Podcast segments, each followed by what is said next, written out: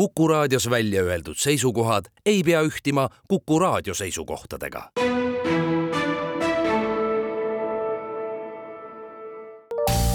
terviseks.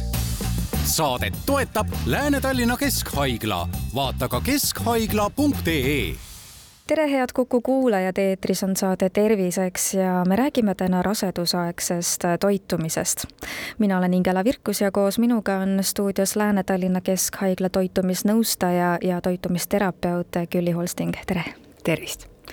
milline on toitumisnõustaja ja terapeudi roll naise raseduse ajal? Eks ta on ikkagi abistaja, toetaja, täpselt nii nagu ämmaemandad, nii nagu naistearstid ja eesmärk on ikkagi see, et äh, rasedal oleks see aeg nii tore ja nii meeldiv kui vähegi võimalik. aga kes täpsemalt siis peaks olema talle toeks, et ma ütlesin toitumisnõustaja ja terapeut, et need on ju tegelikult erinevad rollid mm. -hmm.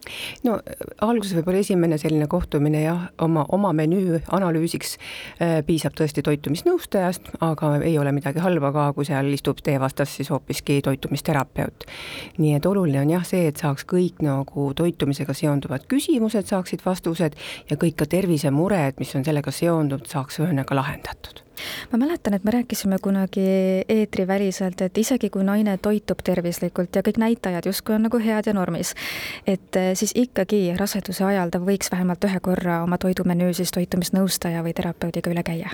jaa, see oleks muidugi ideaal, ideaal võib-olla veel see, et oleks kolm korda igal, igal trimestril korra, aga kuna on ka teadusuuringuid tehtud selles valdkonnas ja tõdetud, et need naised, kes on saanud sellist täiesti tavalist eh, toitumisnõustamist ehk et menüü analüüsi, natuke vesteldud selle teemal, mis on paremad toiduvalikud, mis halvemad, et kõigi nende toitumine äh, paranes märgatavalt. sest rasedus on ikkagi selline aeg, kus me oleme hästi avatud, et see on nagu selline aken, kus me oleme valmis võtma vastu uuendusi, muutusi ja mõtlema võib-olla natuke pikemalt enda ja oma pere tuleviku peale miks ikkagi eelistada siis toitumisterapeuti või nõustajat, et kui kindlasti annab mingeid soovitusi ka näiteks perearst, naistearst, et miks veel eraldi konsulteerida konkreetselt siis just toidu osas? jaa, ja ämmaemandad omalt poolt loomulikult ka jagavad toitumissoovitusi, aga toitumisnõustaja terapeut on spetsialiseerunud just nimelt toitumisele ja kindlasti pakub veel põhjalikumat infot ja veel põhjalikumaid lahendusi sellisele toiduprobleemidele või toiduvaliku probleemidele või ka küsimustele, mis mm, lihtsalt raseduse ajal on tu-, ette tulnud või ka näiteks isumuutustele või kõrvetistele või kaalutõusule või seedeprobleemile, et tal on võib-olla natuke rohkem kogemust ja rohkem ka võib-olla aega ja võimalust ka süveneda sellesse probleemi. kuidas teile endale tundub, et kuivõrd naised on teadlikud sellest äh, võimalusest, et eraldi veel konsulteerida spetsialistiga? see sõltub ka väga sellest, et äh, millises haiglas nad arvel on ja kas selles haiglas on tööl toitumisnõustaja või terapeut ja kas ämmaemandad suunavad, teavitavad ka rasedat sellest. nii et see on haiglati kindlasti väga erinev meie haiglas olen mina juba jah, ligi kümme aastat või natuke rohkemgi seal tööl olnud ja mulle tundub, et meie ämmaemandad küll on äh, kõik väga meelsasti ka suunavad ja saadavad ja järjest rohkem tuleb ka neid rasedaid, kes on tõesti väga ise huvitatud ja ise omal initsiatiivil pöörduvad äh, toitumisnõustaja poole. aga kuidas teile üldiselt tundub selle aja jooksul, et kas pigem tulevad ka need naised, kes ongi täiesti terved ja tunnevadki lihtsalt huvi ja tahavad korraks selle menüü üle vaadata ja üle käia või pigem on ikkagi need mingite terviseriskidega naised? no rohkem on kindlasti neid terviseriskide ja, ja terviseprobleemidega, kas või siis ajutiste probleemidega, et eks me ikka kõik oleme pisut laisad, et kui meil nagu muret ei ole, siis me arvame, et kõik on niigi hästi. ja, ja võib-olla see ei ole jah, võib-olla nii teadlik, äh, teadlik otsus veel siiamaani. aga ikka tuleb neid inimesi ka, kes tahavad ise seda vastust saada teiseks probleemiks on kindlasti mitte eh, kohaliku päritoluga eh, nai-, eh, lapseootel naised, kes ei ole veel võib-olla kohanenud üldse kohaliku toidukultuuriga ja kelle jaoks ongi keeruline leida seda oma kodumaist toitu, seda siin valmistada või siis harjuda kohaliku valikuga. nii et nende jaoks on jah, veel täiesti omaette nõustamist vaja. mida te neile siis tavaliselt soovitate? Eks ta vahest ongi tunduvalt keerulisem just sellepärast, et tuleb siis ka teada, kust on inimene pärit ja millised on tema siis need lemmiktoidud ja eelistused ja milline on tema toitumismuster ja mida ta siis siin tänasel päeval äh, järgib.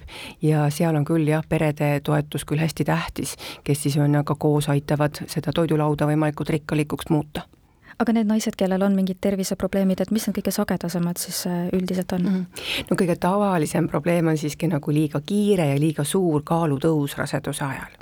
kui soovitus on, et kaal tõuseks raseduse, kogu rasedusega siis üheteistkümnest kuni kuueteistkümne kiloni, siis äh, sageli ikkagi sellised jõuluperioodid ja lihavõtteperioodid on need ajad, kus äh, süüakse pisut rohkem ja maiustatakse pisut rohkem ja kuna mm, raseduse aeg on siis füsioloogiliselt just selline periood naise elus, millal ka kaalu ja üldse sellise tagavarade kogumise aeg ongi hästi aktiivne. ehk füsioloogia muudabki seda, et keha võimalikult palju talletaks ka tagavaraks mis see normaalne soovituslik äh, kaal või tähendab siis rasedusaegne kaalutõus on, et te vist korraks mainisite mm -hmm. ka, käis läbi? Äh, hea kaalutõus jääks siis vahemikku üksteist kuni kuusteist lisakilo ja loomulikult see kehtib ainult nende kohta, kes on siis normkaalus rasedust äh, alustades.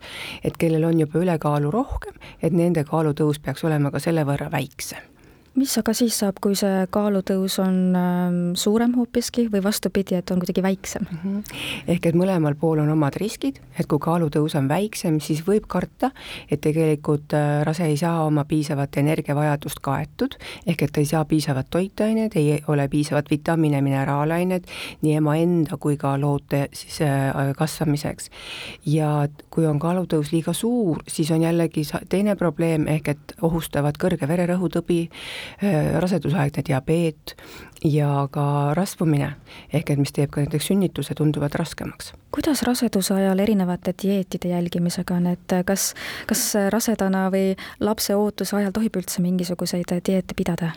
kui me jah, dieediks peame nagu mingeid tugevaid piiranguid, siis tõesti parem hoiduda nendest ja jälgida ikkagi sellist tasakaalustatud tervislikku toitumist ja kui ollakse nagu kõhkvel, et ei tea, kas mu toitumine ikka on selline, et siis tõesti tasub alati konsulteerida, eh, siis toitumisnõustaja, toitumisterapeudiga või siis ka võtta appi näiteks Tervise Arengu Instituudi toitumisprogramm Nutridata, kus saab samamoodi eh, enda menüüanalüüsi ise teha kuivõrd erinev on üldse see, mida naise organism vajab siis raseduse ja imetamise ajal sellise tavalise täiskasvanu vajadusest mm? -hmm.